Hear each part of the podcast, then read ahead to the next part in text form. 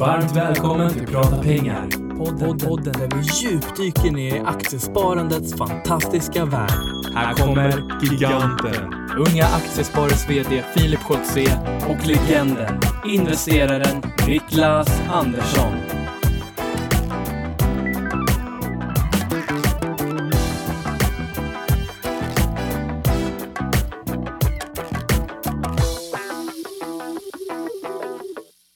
Då säger vi äntligen måndag och varmt välkomna till podden Prata pengar. Eh, hur är läget Niklas? Åh, varmt välkommen! Jo då, det är första maj när det här kommer ut och vad gör vi då? Jo, vi går första maj-tåg och eh, demonstrerar mot att börsen, eller emot för att börsen ska ha öppet även på lördagar. Du tycker att den ska ha det alltså? Ja, men man behöver, man, det räcker med söndagar och vila. Ja, du tycker, okej. Så en dag per vecka räcker att börsen är stängd? Ja. Okej. Eh, och eh, vi har ju, eh, vi gick ut i veckan här med att eh, vi skulle ha en, eh, en eh, kanonintressant gäst här, Isabella Lövengrip.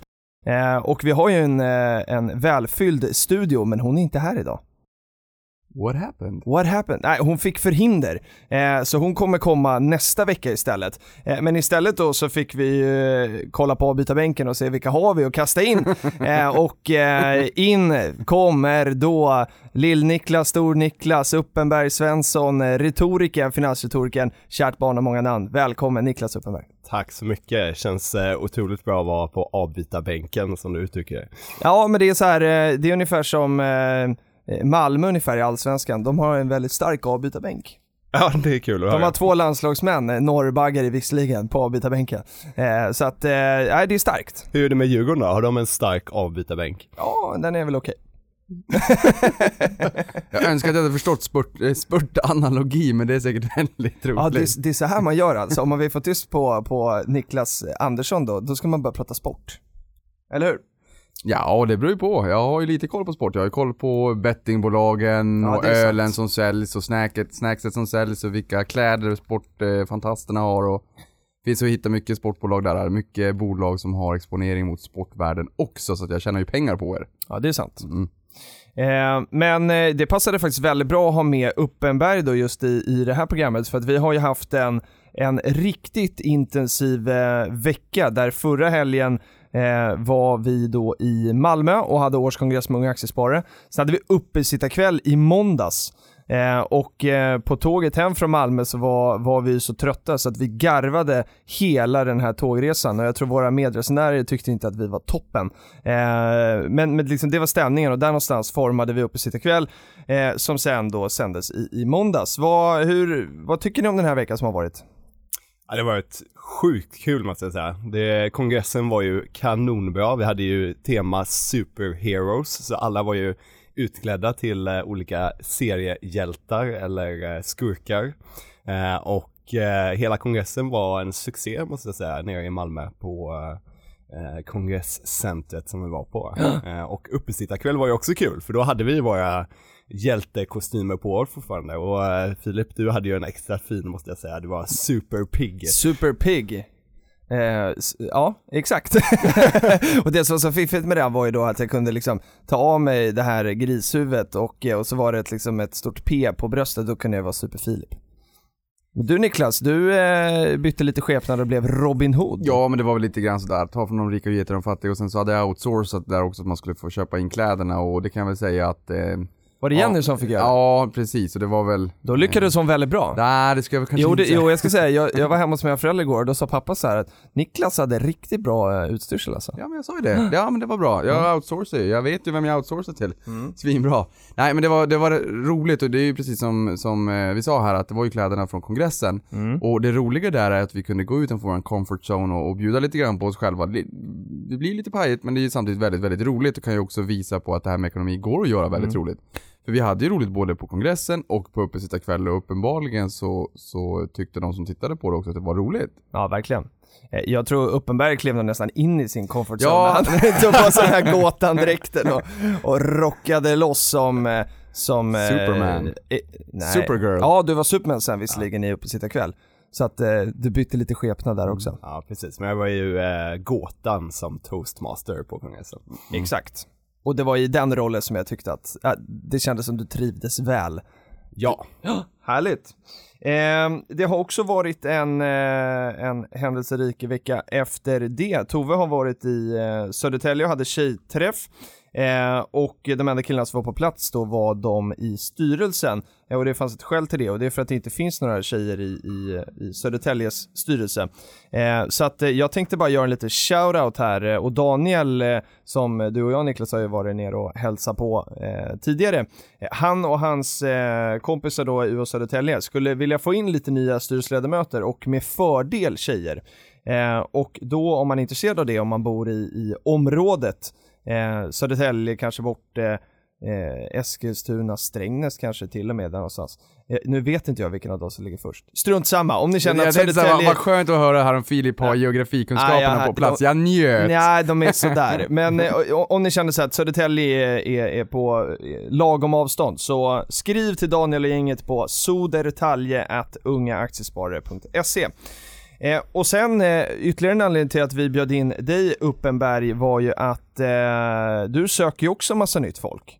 Ja, Eller hur? vi har har ju det. Vi har ju tidigare pratat om den här teamledaren som, eh, som du ska få in och vi får ju bara passa på att tacka för alla som har sökt. Eh, och många som har sökt genom den här podden också. Jätte, jättekul. Så den rekryteringen är ju ongoing kan vi säga nu. Men nu vill du ha in lite andra typer av människor. Ja, nu kommer vi köra en, ytterligare en rekrytering i form av att vi ska få in nya föreläsare till hösten. Eh, och det är ju då föreläsare för ung privatekonomi som gäller då. Så att är det så att man känner att det här med privatekonomi tycker jag är superkul, eh, jag skulle vilja komma ut på gymnasieskolor och prata om det här, eh, föreläsa om det här ämnet inför andra eh, och kanske då antingen om man söker det här på heltid eller på deltid. Vi är helt öppna och vi söker folk över hela Sverige. Huvudsaken är att man har ett otroligt bra driv och att man just brinner för de här frågorna med privatekonomi och sparande och just gillar att åka ut och föreläsa. Så då kan man söka till oss på Ung Privatekonomi och eh, vi har en annons uppe på vår hemsida, ungprivatekonomi.se.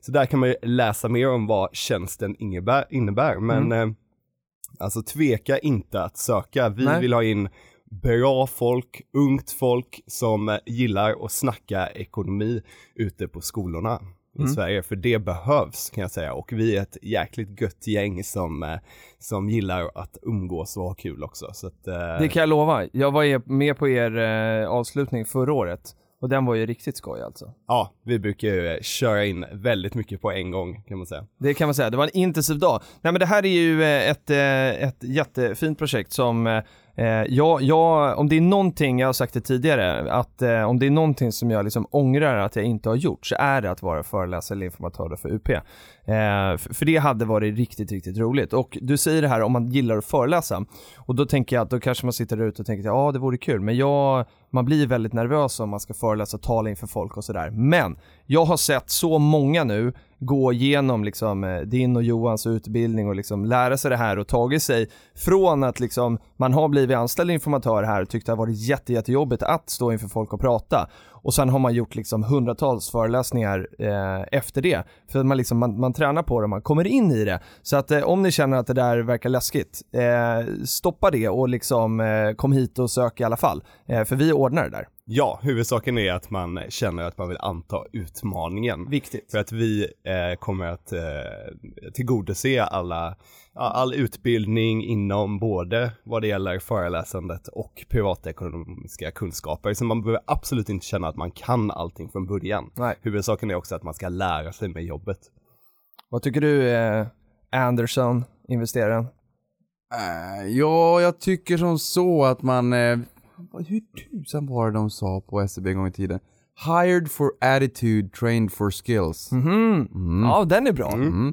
Det handlar ju om viljan och man vill ju, man ska ju ha, liksom, ha glöden och vilja det här, kunskapen kommer ju. Ja, men det gör. Livet är ett lärande i sig. Mm. Så att jag tror att bara man har viljan och glöden så kommer det andra på köpet. Exakt. Och, det, och jag tror att också det här med utmaningen om man tycker att just det här med att stå inför folk och prata, att det kanske är lite läskigt. Jag tror att det borde ju vara ganska eh, biologiskt eller ligga i vårt DNA, förutom Jag tycker att det är väldigt roligt. Men, men, men annars så tror jag att det rent spontant nog för de allra flesta är lite, tar emot lite grann. Ja men det tror jag. Eh, och då kan man ju se det som en utmaning att, att ja men då ska jag göra det här. Mm. Eh, då ska jag ta mig över den här lilla barriären och, och knäcka den, Mm. liksom, det lilla motståndet. Så jag tror nog att det kan vara jäkligt roligt faktiskt. Ja men då så är det verkligen och vi, vi har ju praktikant med oss den här veckan eh, och, eh, och han frågade oss i måndags när vi skulle köra upp i Sitta kväll, så är ni inte nervösa?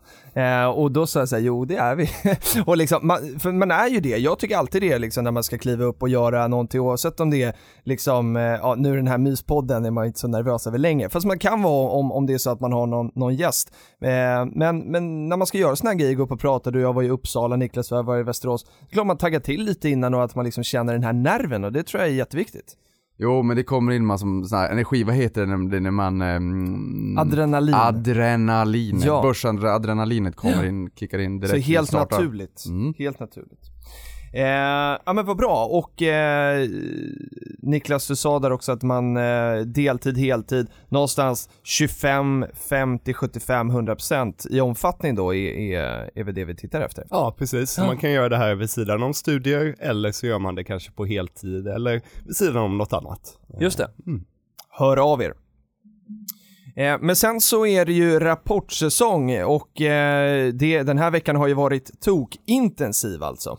Ja det har ju verkligen varit tungt och det, Och det är inte klart. Nej det, nej det är inte klart. Nej för det är ju det, jag menar vi har ju precis kommit ur boksluten kan man tycka, när, man, när vi gick över på andra sidan året från 16 till 17. Men i takt med att liksom boksluten började komma in, vi januari, vi började sakta gå in mot februari, det började trappa av lite grann, vi fick utdelningsförslagen när man hann liksom slicka sig kring munnen och känna åh vad det kommer utdelningar här på vårkanten. så är det ju dags att stänga böckerna för första kvartalet. Och det gjorde vi ju! Och det var ju ett fint första kvartal. Men nu kommer ju Q1-rapporterna som om det inte vore nog med boksluten. Och eh, jag har tagit fram lite siffror här också för SME Direkt på, i Twitterflödet. Lägger... Menade du att det var fina bokslut och sen nu kommer Q1-erna? Ja, Ja, precis. menar nu, nej, men nu, precis, nu kommer Ja. ju Q1-erna. Yes. Och SME Direkt har lagt ut eh, i flödet på Twitter de rapporterna som har kommit och hur de har skilt sig gentemot estimaten. Mhm. Så att är det så att vi, att de skriver att ett bolag kommer med deviation 0% ja men då kommer det precis i linje med vad analytikerkåren förväntade sig. Det kan fortfarande vara dåligt eller det kan fortfarande vara jättebra. Men det, det, det faktum, det viktiga är att den kom in, in line med, med vad man förväntade sig. Just Och det var det många rapporter som inte gjorde. Så jag har skrivit en liten, liten lista här på de bolagen som lyckades överprestera ganska mycket. Och vi kan ju börja med H&M. Och, och sen är det olika, vad ska man säga? Det är olika nyckeltal man mäter bolagen på. Det kan bero på bolaget som sådant. Det kanske är något specifikt för bolaget som är lite utmanande som analytikerkåren är väldigt intresserad av. Eller så kan det vara från bransch till bransch. Men ofta är det rörelseresultat här säger jag. Och H&M kom in 13% högre jämfört med estimat jämfört med vad man trodde på rörelseresultat. EBIT. Earnings before interest and taxes. Ja. Kappahl 11% högre. Evolution Gaming 26% högre. Det är ju något fel på det där bolaget. De slår aldrig av på takten. Evolution Gaming, jag vill nästan göra som så här att med, vi kan, jag har ju en styrka här i livet och det är ju att prata så att jag kan ju sitta och prata samtidigt som jag tar upp min telefon och där? skriver in Evolution Gaming så att vi försöker hoppas och tro att de som lyssnar på det här tror att jag fortsätter prata men jag pratar egentligen bara blaj för att kunna se vad Evolution Gaming-kursen står i. Och den står i 379 kronor. Right. Och den här kom alltså in 2015 på 80 kronor. Ja, otroligt. Eh, Så det har ju varit en, en fantastisk resa, det får man ju helt klart säga. Och det här är ju också en leverantör. Ja. Det vet jag, mina kollegor på Börsvägen de gillar leverantörer. Kambi, Net Entertainment, Evolution Gaming. Det är liksom. spadar och hacker istället för att leta guldet Mm. själv. Vi har ju också kommit en spelutredning, men det är en annan podd. Sen har vi SSAB, Mm. 196 procent. Ja, usch, jag gillar ljudeffekten. Sen har vi, vi ska gå igenom det här lite snabbare. Tele2, ebitda. Mm. Då är det rörelseresultat, men det är, det är före av och nedskrivningar. Mm. Det var samma sak med Evolution Gaming faktiskt. Det är 20%. Och då eh, kan man säga att det trimmar lite. Ja men det trimmar lite. Ja. Sen kan det också vara så här beroende på bolaget, att det kanske det är nyckeltalet man tittar på. Ja det kan det Jag vara, menar, absolut. Tittar vi på Ratos Mm. eller eh, vad ska vi ta, Volati eller eh, den typen Mm. av bolag. De visar ofta e- ebitda. Ja. Eh, just för att man, man liksom, det, det passar deras rörelse och är mera Absolut. kassaflödesnära. Men du sänker ju resultatet i och med att du skriver av ett värde på någonting. Pre- kostnadsvärde. precis, Ja. precis. Eh, sen har vi Volvo på 32%, Saab på 24 över, båda rörelseresultat.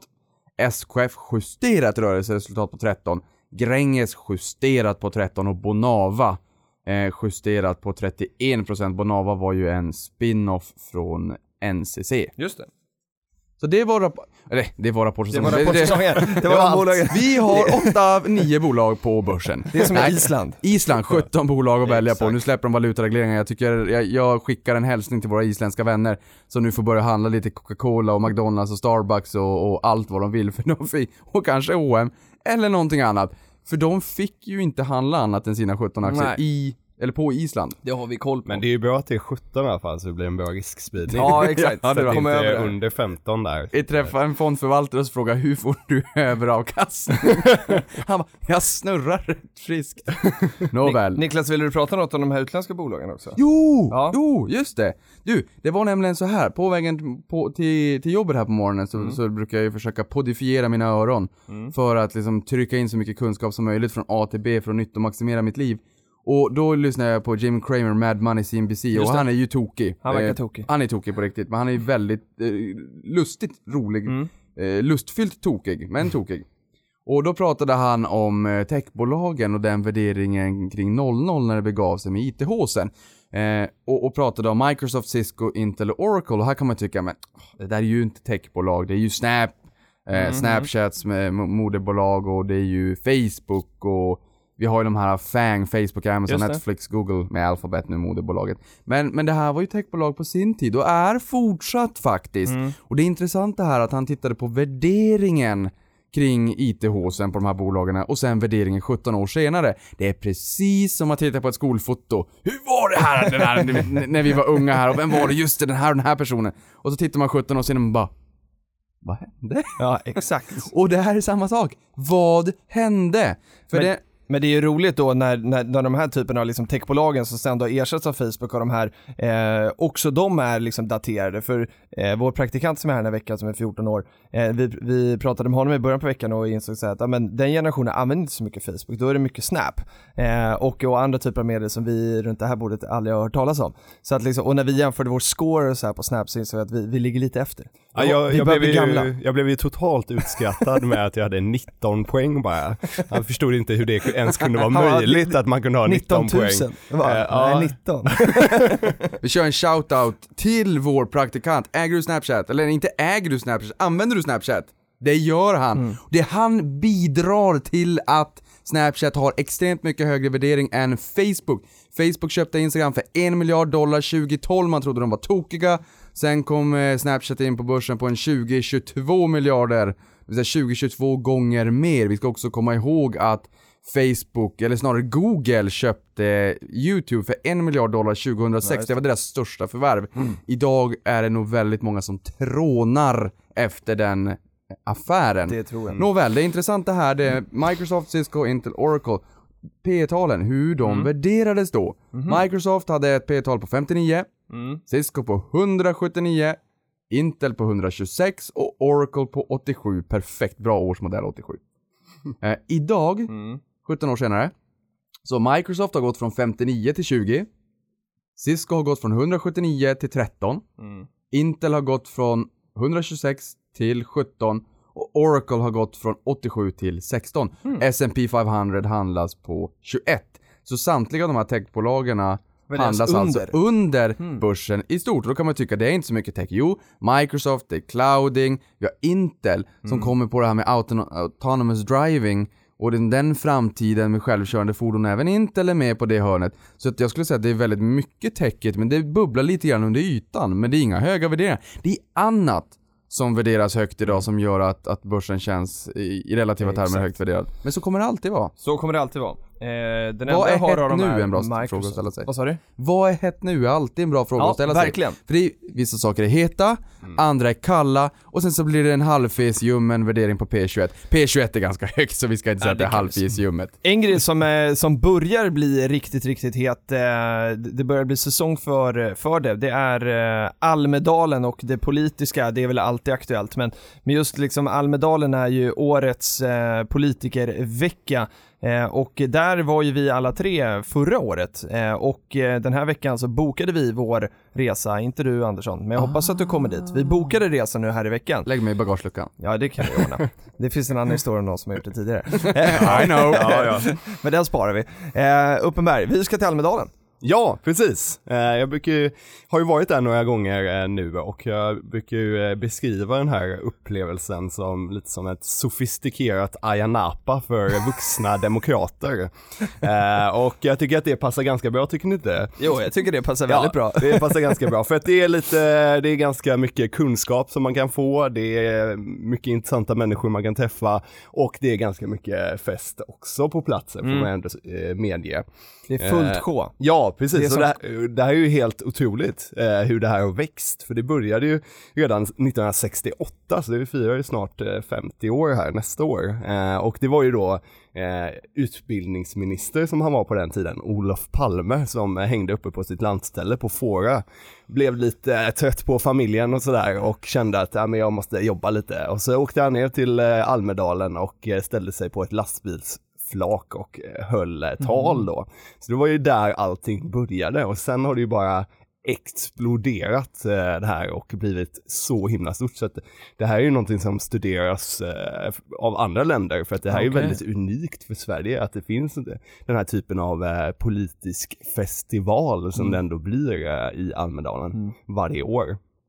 Ja, otroligt alltså. Ja, för det är ju ett spektakel, det måste man säga. Jag var där för första gången eh, förra året eh, och det är ju fullt sjå från morgon till kväll. Det är inte många timmar sömn under de dagarna alltså. Nej det är det inte och jag menar om, om vi blir eh, sura på våra respektive och behöver lite egen tid så kan vi ställa oss på plattan och prata börs. Jag har Eh, ingen respektive. Ja men det är snart säkert. Vi jobbar på det.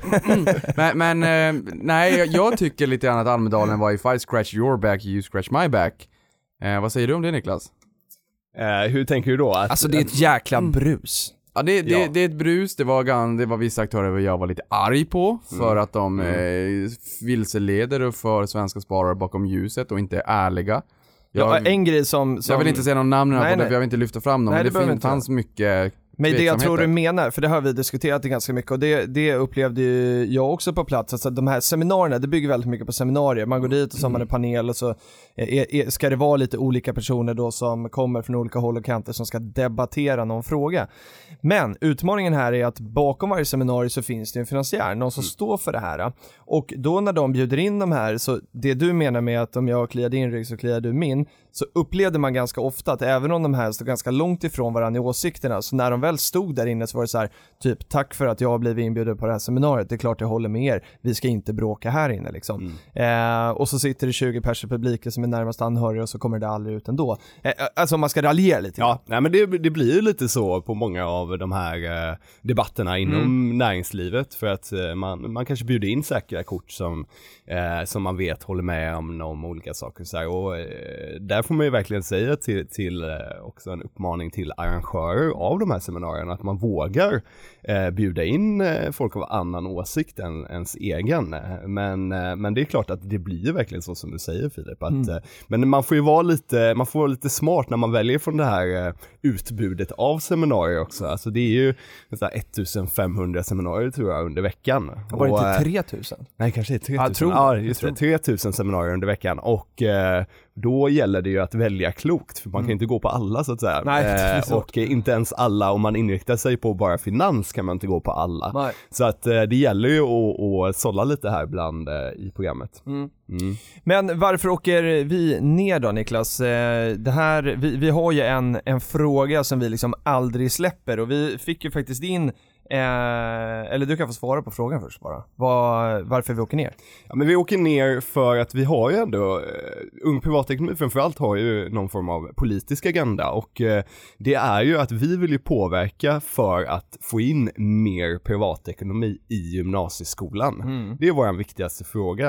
Eh, vi känner att det är, finns inte tillräckligt med kunskap om privatekonomi bland ungdomar idag eh, och vi vill ju helst i framtiden vill vi att det ska vara så att vi inte behöver vara ute och utbilda inom det här utan det ska ske på skolan. Just det. För att vi träffar, ja vi träffar nästan eh, 28 000 elever varje år. Eh, men vi når ju inte alla elever, Nej. det är ju ungefär en tredjedel av alla som går i gymnasiet. och så att- ska man säga att det är också bara inom citationstecken under en timme. Ja. Man skulle behöva ganska många timmar tror jag. Ja, jag tror det med. Och alla lyssnar ju inte på den här podden heller, även om det är väldigt många. Ja, och, och då är det intressant här och nu ska jag eh, öppna debatten mellan Niklas och Niklas här. Eh, för då har vi fått in en fråga från, från Swede, eller Elin Katrin då på Twitter under hashtag prata pengar, så skriver så här.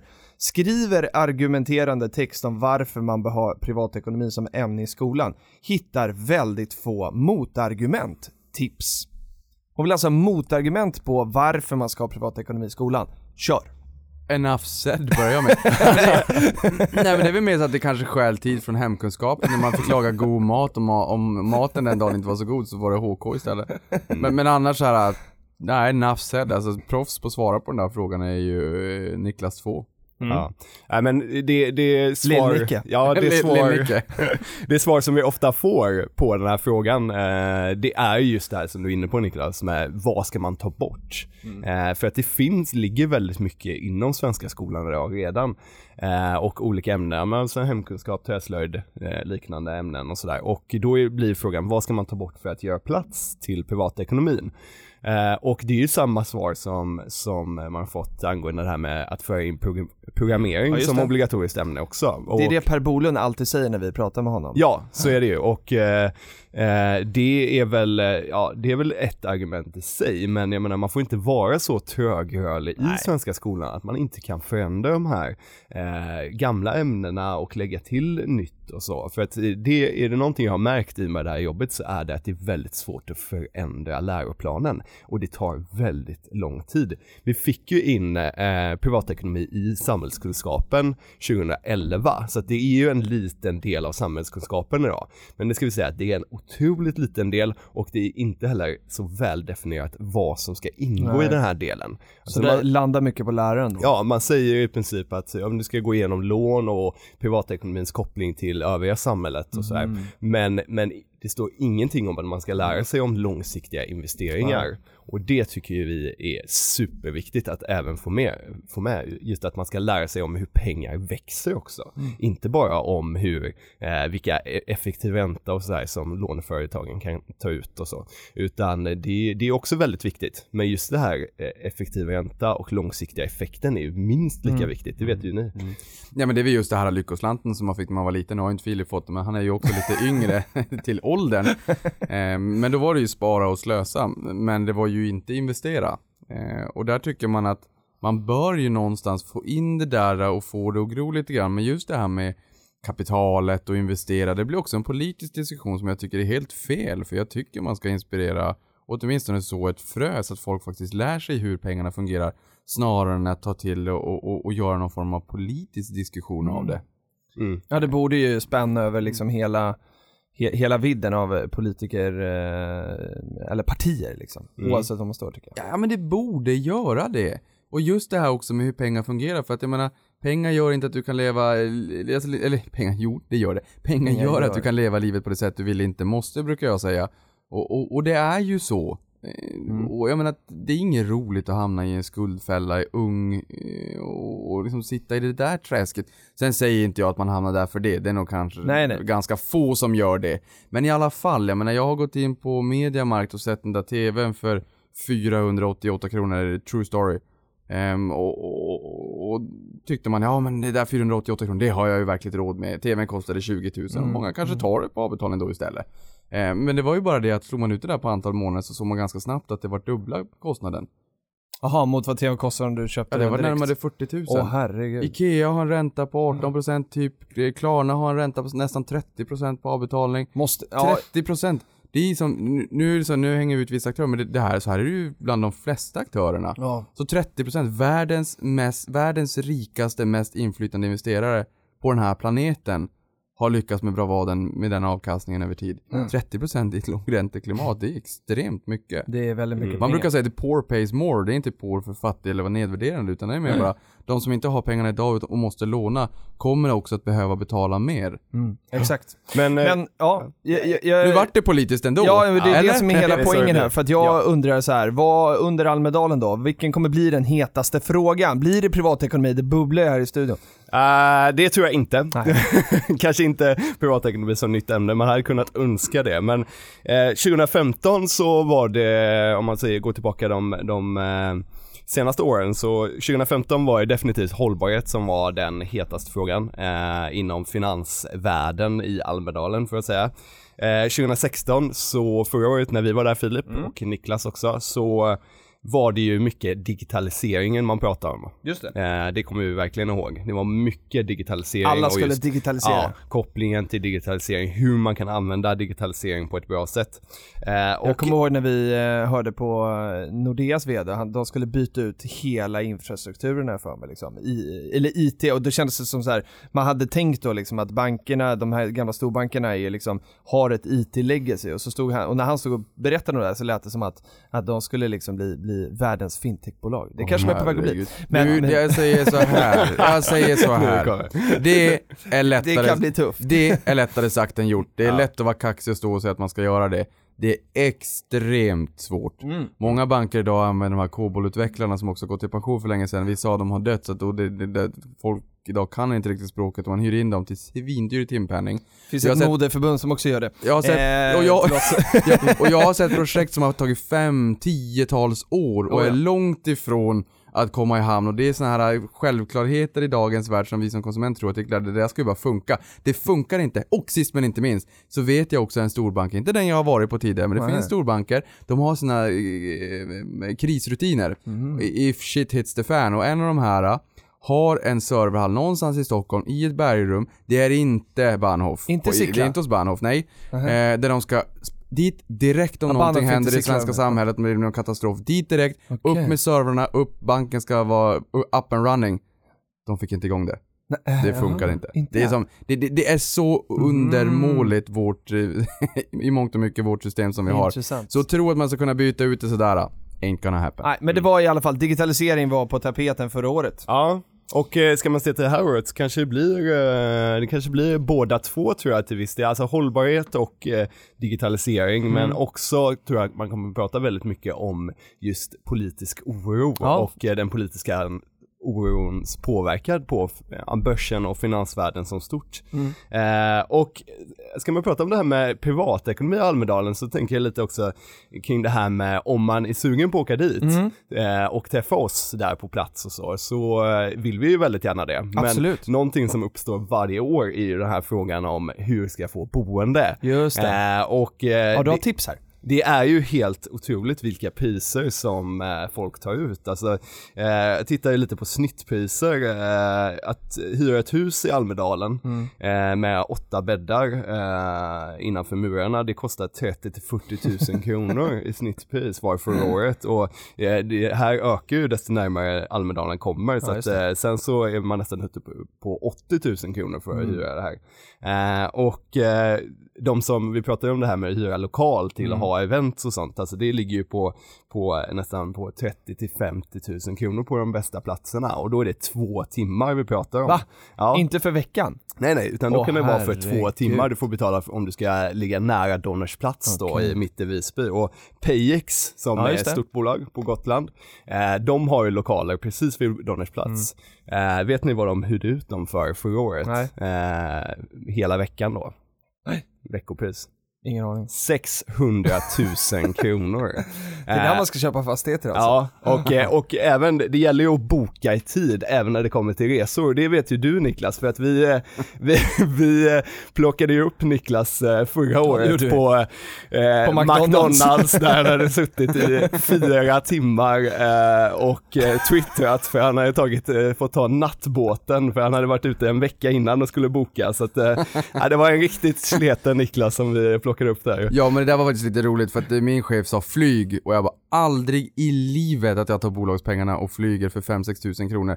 Det är så att, eh, och det, sen är jag ju aktieägare i bolaget förvisso också, men det gör ont i mig. Och det är egentligen samma sak som lokalhyran för två timmar du sa här. Det liksom spelar ingen roll, företagets pengar är mina pengar i någon bemärkelse och jag får ont i magen. Så då tog jag någon hytt, två på natten så åkte jag båten. och dessutom, då hade jag en egen hytt, det kunde man lägga till för, jag, jag, jag lyxade till det 300 kronor extra. Men de hade gjort en sån här låsning i, i bäddarna, så att det var någon, det var någon låsmekanism så att du kunde inte fälla ner, så att det var, du kunde bara sitta. Och där satt du och sov. Där satt. Men, men Niklas eh, Uppenberg då, om, eh, när vi pratar politiker, vi pratar liksom politisk oro, men eh, eh, jag tänkte också att vi skulle prata lite om finansiella kriser och hur liksom politikernas, hur viktigt det är att politikerna säger rätt saker i sådana här sammanhang. Vad, vad är din bild av det här? Ja, min bild av det här, alltså om vi går tillbaka till, till finanskrisen 2008 till exempel, så kunde vi se där att eh, faktiskt påtagligt att eh, politikers kommunikation hade en väldigt, spelade en väldigt stor roll eh, i, eh, ja, men i börsklimatet och hur ekonomin uppfattades av allmänheten. För det är ju det, man vill ju inte skapa den här oron bland folk så att alla springer till sina fondförvaltare och plockar ut massa pengar så att det försvinner otroliga mängder kapital från marknaden. För det är ju det som ofta händer i oroliga tider, att folk flyr de här aktiefonderna till exempel för att man inte förstår det här långsiktiga effekten och Nej liknande saker. Eh, och eh, det finns ex ex exempel på det här faktiskt, är det bästa exemplet i eh, finanskrisen kanske är Sverige och hur Sveriges eh, regering agerade i den här kristiden. För att eh, det var ju finanskrisen så pratar vi nu. Ja. Finanskrisen Just det. 2008 och eh, man har gjort, eh, skrivit en rapport eh, på det här i Mittuniversitetet har skrivit en Mm. rapport på det här som är otroligt intressant att läsa eh, om just hur svenska regeringen agerade och eh, det var ju så att under 2008, alltså vi får ju uppfattningen ofta om att Sverige inte var så illa ute i det här sammanhanget. Eh, och att det inte var så illa ställt med svensk ekonomi och sådär och svenska banker. Men sanningen var ju en helt annan egentligen. Alltså det var ju eh, väldigt eh, svårt för till exempel storbankerna, alltså som Swedbank hade ju gjort affärer i Baltikum och sådär, man hade lånat ut mycket pengar och man var ju riktigt illa ute. Men det här var ju någonting som inte riktigt bekräftades av, av media utan det här beskrevs ju som, som att det var i omvärlden som det stökade väldigt mycket och Sverige var väldigt stabilt. Och det här var faktiskt mycket också till grund för att eh, Anders Borg och Fredrik Reinfeldt hade en väldigt bra retorik i den här tiden. Att eh, man pratade mycket om det här med eh, att det var ordning och reda i svensk ekonomi och man vidtog väldigt mycket krisåtgärder också. Men man hela tiden gick ut med här att det är ordning och reda i svensk ekonomi. Vi tuffar på som vanligt. Vi kommer rida ut det här eh, och det gjorde folk väldigt lugna. Så att det är få som vet om de här, eh, den här krisen som faktiskt eh, många av de svenska storbankerna stod inför under de här åren. Eh, så att det är verkligen det kan verkligen påverka väldigt mycket och, och såg man då till förtroendet för både Reinfeldt och Borg under den här perioden så skulle man egentligen trott att ja, det här borde ha gått ner, för det gör det för politiker i kristiden. Men det var blev ju tvärtom. Förtroendet för regeringen och för Anders Borg och eh, Fredrik Reinfeldt, det stärktes ju otroligt under den här perioden och Anders Borg hyllades ju som en hjälte i hela Europa som hade ja, styrt upp det här eh, under finanskrisåren då. Eh, så, att, så att stor påverkan kan det vara på, eh, ja, på börsen. Där Verkligen. Och, Men- ja. Ja men så känner jag också där, jag menar säg att det skulle här ske en olycka eh, och det blir, uppstår stor förvirring, det kanske är en stor masskrock eller en flygplansolycka eller vad den kan tänkas vara och någon person tar kommando och tar på sig ledarrollen, ja, men då blir det ju självklart så att personer ser upp till den här personen för att det det blir som det blir skönt att någon tar på sig ledarrollen och visar ett tydligt kommando.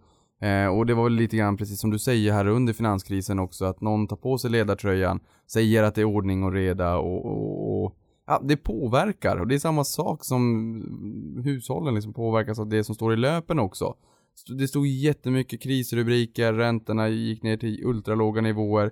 Det exploderar inte någon skuld, skulduppbyggnad ändå. Det har det gjort sen i och för sig på bolånesidan, men det är ju för att om du inte vet om du ska bli av med jobbet eller vad det kan tänkas vara, då håller du i pengarna ändå, Mm. även fast du chocksänker räntan. Mm. Men, men, men jag tycker det är intressant det där som du säger, just retorik och psykologi i den här typen av händelser.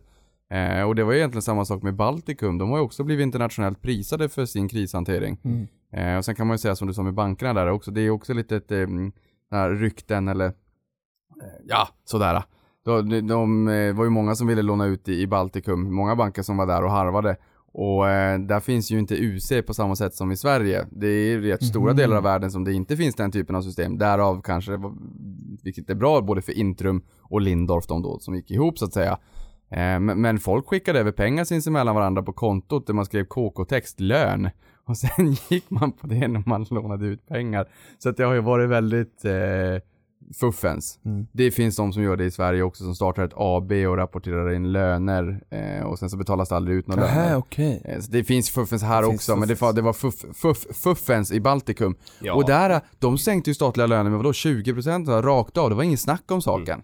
Men det var ju en, det var en otrolig lånefest där innan och det var eh, svenska storbanker som var inblandade i den här lånefesten får man ändå säga och, och eh, eh, det var ju, jag såg en dokumentär om det här, det var ju många som satt på och köpte, man är ju väldigt intresserad av bilar och så där, så det var ju många som lånade till upp till fem bilar, kunde sitta på det eh, och eh, det kanske inte är den bästa privatekonomiska investeringen att, ha fem bilar, Eh, bara en bil är inte så jättebra eh, privatekonomisk investering alltid. Tänk om du har fem bilar, du sitter och kör en bil och så har du en värdeminskning på fem bilar samtidigt. Men det är ju också bara att se de ståtligaste palatserna i Baltikum var ju bankerna. Ja, Ja, det palatsen inom säger någonting. Men och, och sista då här eh, på politikertemat. Eh, idag, och liksom med kommunikationen, idag är vi vana vid att politiker använder sociala medier på ett väldigt, ja Niklas? Jo, vet du varför bankerna också har personal och outsourcar stor del av verksamheten där? Nej. Lönen är typ en tredjedel, nu fortsätter vi. Ja, eh, tar du frågan nu då Niklas? Vad, vad, vad var frågan? Exakt, man hinner ju aldrig. Det är en gång varje avsnitt. Eh, hur som helst då, vi, vi börjar om. Eh, vi skulle avsluta om med vi att börjar, prata om om vi börjar, om vi börjar, om. Nu kör vi. Han har ballat ur. Han har ballat ur. Ja. De sociala medierna eh, som, eh, ja det kommer jag nästan av med. Sociala medier eh, använder väldigt många politiker och eh, hur ska vi, eh, ja, jag vet inte, Niklas, kör på nu. jag kom helt av er. Nej men Nej men du, vill- du vill komma till hur, kanske hur, hur sociala medier påverkar? Exakt. Exakt, och ta, blanda in valet i USA Fast Niklas nu innan du säger det där. så Ja, vill jag men bara absolut, och säga absolut. det. nej. Eh, ja, men det har ju blivit otroligt tydligt i och med amerikanska valet Mm. eh, och i och med Trump som är en otroligt gedigen Twitter om inget annat. Mm. Eh, och nu när han är president så kanske han har ännu större påverkan än vad han hade tidigare.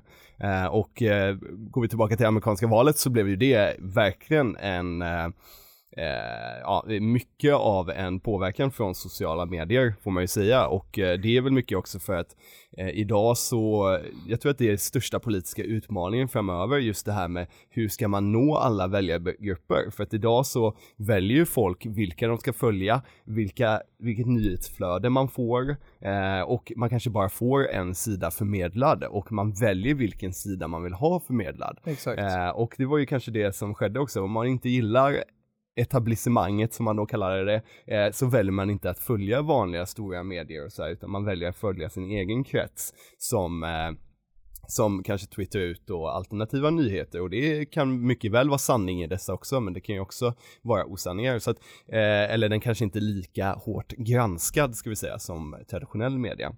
Eh, och, eh, men, men det kan ju bli väldigt stora påverkan och, och jag tänkte plocka upp, vi hade ju ett exempel här som du twittrade ut eh, för eh, ja, kanske en två veckor sedan Niklas tror jag. Och det var ju, jag blir orolig. Nej, absolut inte. Nej men det var, det var väldigt eh, smart av det där och, och jag tyckte, jag tyckte att, eh, och jag twittrade ju tillbaka där just eh, angående retorikens påverkan på börsen och, Okej. och på eh, uttalanden idag och det var ju när Trump eh, gick ut och sa att det var ju inte på Twitter i det här fallet, men, men han gick ut och sa att han tyckte att dollarn hade blivit lite för dyr. eh, och vad hände då Niklas? ja, precis det han ville skulle hända. Dollarn försvagades. Ja, ganska mycket. 0,65%. Mm. Ja, det var så mycket alltså. Ja, det är ju, eh, det är ett ganska kraftigt fall va? Verkligen. Eh, På en världsvaluta. Ja, ja. exakt. Precis, så att, så att det är klart att det finns påverkan. Ja, det är och, klart. Eh, Undrar och- när han börjar snappa ut de här grejerna. det hade varit roligt. Ja, exakt. Och, eh, och för att återkomma också till det här med kommunikationen så har vi en pågående kris eh, som ni kanske har sett i Venezuela också. Eh, som ligger riktigt illa till ekonomiskt där inflationen har väl legat på 53% om jag inte minns fel eh, senaste året. Och valutan har ju verkligen påverkats av det här. Och eh, här gick ju, gick ju då eh, Nicolas Maduro ut och eh, med förra året, i slutet av förra året så gick man ju ut med att man skulle ta bort den här 100 sedeln då, eh, Bolivars-sedeln då som man har i landet, 100 Bolivars-sedeln. Eh, problemet med det här, alltså det var väl absolut kunde väl vara en lösning för att få koll på inflationen, men eh, befolkningen fick ju bara 10 dagar på sig Ah, att växla in det här, så det blev ju total panik för att eh, bankkontoren kunde ju inte hantera den här. Så att, eh, och sen då fick man ju gå ut då när de här 10 dagarna var över, så fick ju han gå ut igen och säga att ja men det är lugnt, det är lugnt, eh, vi, vi förlänger det här, så nu kan ni växla in era sedlar och så här. Och det, det alltså det, på tal om det här med ordning och reda, i ekonomin Ja. och i landets ekonomi. Det kanske inte är det man signalerar när man gör en sån sak. Verkligen inte. Eh, riktigt. Man har, känns inte som man har ett superkoll på läget. Nej. Och just det här med, med politiker och sociala medier, då vill jag Mm. dra mig till minnes, jag kommer inte ihåg vem jag pratade med det här om faktiskt. Eh, men- Men att man, eh, exempelvis USA där då, när man ser vilka delstater man inte har, eh, man inte lär vinna. Och att man fokuserar på dem och via algoritmer och social media eh, försöker pinpointa de här. Så man pinpointar liksom där man vet att man är svag och sen så försöker man hitta och liksom utstudera, hitta exakta sätten för att kunna övertyga de här. Och jag menar, social media och marknadsföringen blir ju allt mer utstuderad för att de har ju mer och mer information om Mm. oss. Eh, och det där är rätt intressant. Det där är liksom lite in, infor, informationskrigsföring. Jag brukar prata om finansiell krigsföring. Mm. Men det här blir ju lite ett informationskrig också. Ja men förstå de här algoritmerna som ändå eh, Facebook sitter på. Som styr då vilka ja, men nyheter du får upp, vad du får upp i flödet, så här, vilken makt de Mm. sitter på. Alltså vilken makt de kommer sitta ansvar. på framöver och vilket enormt ansvar precis. Eh, och här måste man ju, det blir ju verkligen, man blir ju som en institution här va. Man blir en demokratisk institution kanske framöver. För att, och där, men samtidigt så har man ju ett marknadsintresse och det är ju där som, som eh, det clashar lite får man ju säga. För att det, är ju inte, det ska ju inte vara den som betalar mest som syns i nat- det naturliga flödet. Nej. Utan det ska ju verkligen vara tydligt då vad som är annonser och vad som är inte är annonser. Mm. Eh, dagens eh, sista fråga tänkte jag att vi skulle, jag, jag ska sno lite en eh, av din, din nyhetssveps eh, eh, punkten Niklas, om att Kinnevik eh, i kom hem. Eh, för då har vi Jonathan Barnelöv som har skickat in och sagt så här, vad tycker investeraren om att Kinnevik storköper i kom hem som du inte är ett jättefan av? Hashtag prata pengar. Och det här tyckte jag vi kunde prata om eh, lite grann innan vi kom in på nyhetssvepet för att eh, både du och jag Niklas eh, Andersson då, har ju Kinnevik och Niklas Uppenberg tycker inte om Kinnevik. Eh, och nu vet jag inte då Niklas, när du och vårat innehav nu köper kom hem, eh, ändrar vi oss här nu? Ja, eller vi kan väl börja med att säga så här, varför gillar inte du Niklas kom eh, Kinnevik? Så att jag får lite input här bara till min diskussion. Ja, i och för sig ändå, men jag ville bara vara trevlig.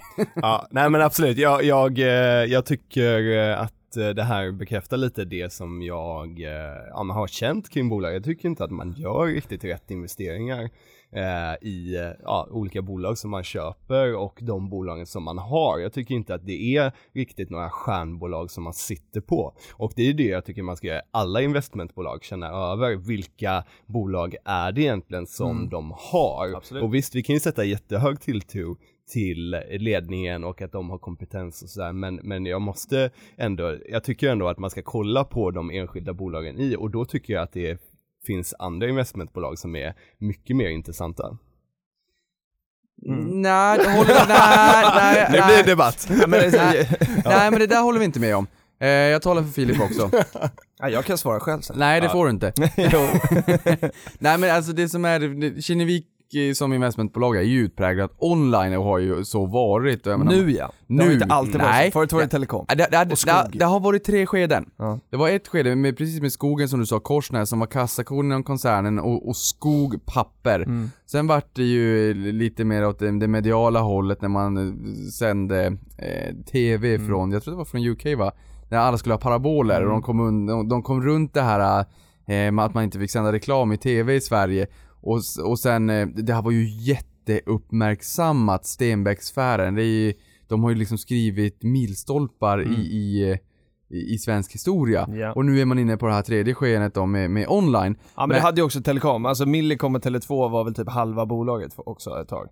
Ja, fast det, det där är liksom i mellanakten med, till med att de blev eh, online. Jag skulle vilja säga att den, det, det liksom bakas ihop i den här online-tiden på något sätt. Ja. Eh, Ja okej, men vi säger så. ja, men, men, men det jag tycker här också, det är som med Zalando som har vä- växt upp och blivit, jag tror mig med, det största innehavet nu. Det det. Som eh, snabbast växande, ett, ett av de snabbast växande konfektionsbolagen i Europa växer någonstans 20-25% om året, man har 1% av marknaden. Här har de ju lyckats och har väldigt stora exponeringar runt om i världen där man hittar de här fickorna av tillväxt där man kan säga det här kan vi digitalisera. Här är online helt rätt väg att gå. Och det har de lyckats med. Men jag menar, samtidigt det här med kom hem, man går och köper 18,5% av, av aktierna för 3,7 miljarder och eh, kom hem är inte ett bolag som jag är imponerad över. Jag tror att de flesta vill bara försöka, jag, jag, jag har inte hört någon som är nöjd med dem. Det är elakt mot kom hem också att säga så, men till saken hör att ingen vill ha fast telefoni idag.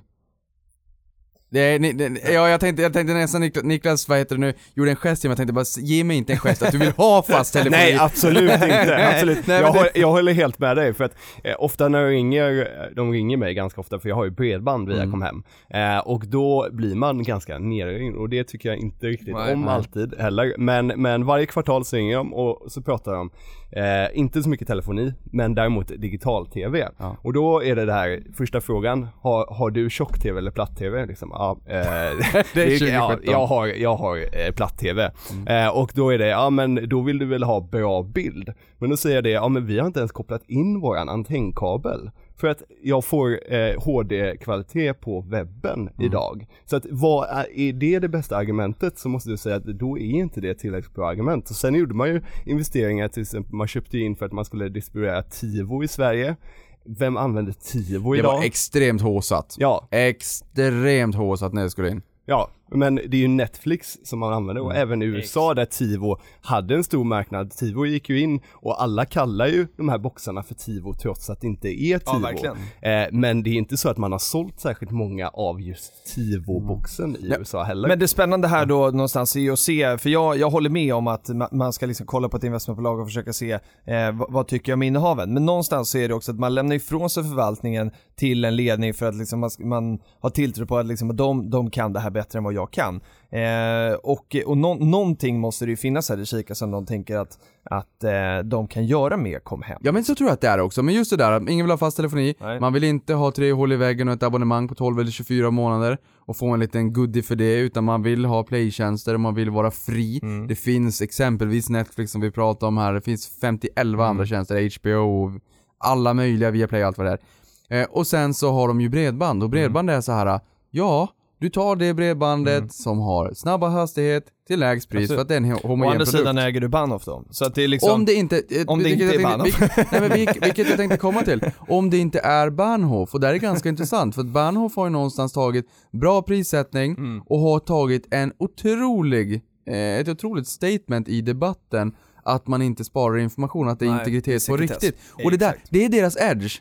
Annar, och, annars är det mer eller mindre bara stapelvara. Mm. Men det är precis som du säger här med Kinnevik och det som är intressant är ju att någon, någonting måste de ju se. Ja. Och jag har full respekt för att det kan vara så att man inte ser skogen för alla träd.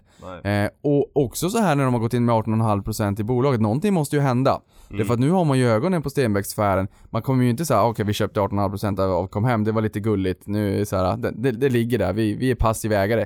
Så det tror vi inte riktigt kommer kunna ske. Och, och där kan det vara konsolidering i branschen, definitivt att det måste komma en konsolidering i branschen. Kapa kostnader, synergier, också att kanske slå ihop, man har Tele2 slå ihop bolag, få ut synergier där, få ner kostnaderna. Man, och det har man också sett i USA när man har gått in, både telekom och nöje har börjat närma, sig- närma sig varandra. Så Ja, och att det kan ju mycket kommer bli, hända. för liksom distributionen finns ju där. Comhem har ju jättemycket fastigheter där man liksom, du måste använda Comhem liksom. Ja, det man, har tagit, de, man har tagit fastigheterna i gisslan. Ja, och, och, och där någonstans, eh, om Kinnevik då som genom hela MTG också med, med Viaplay och allting som finns här, så kommer de kanske kunna äga kedjan.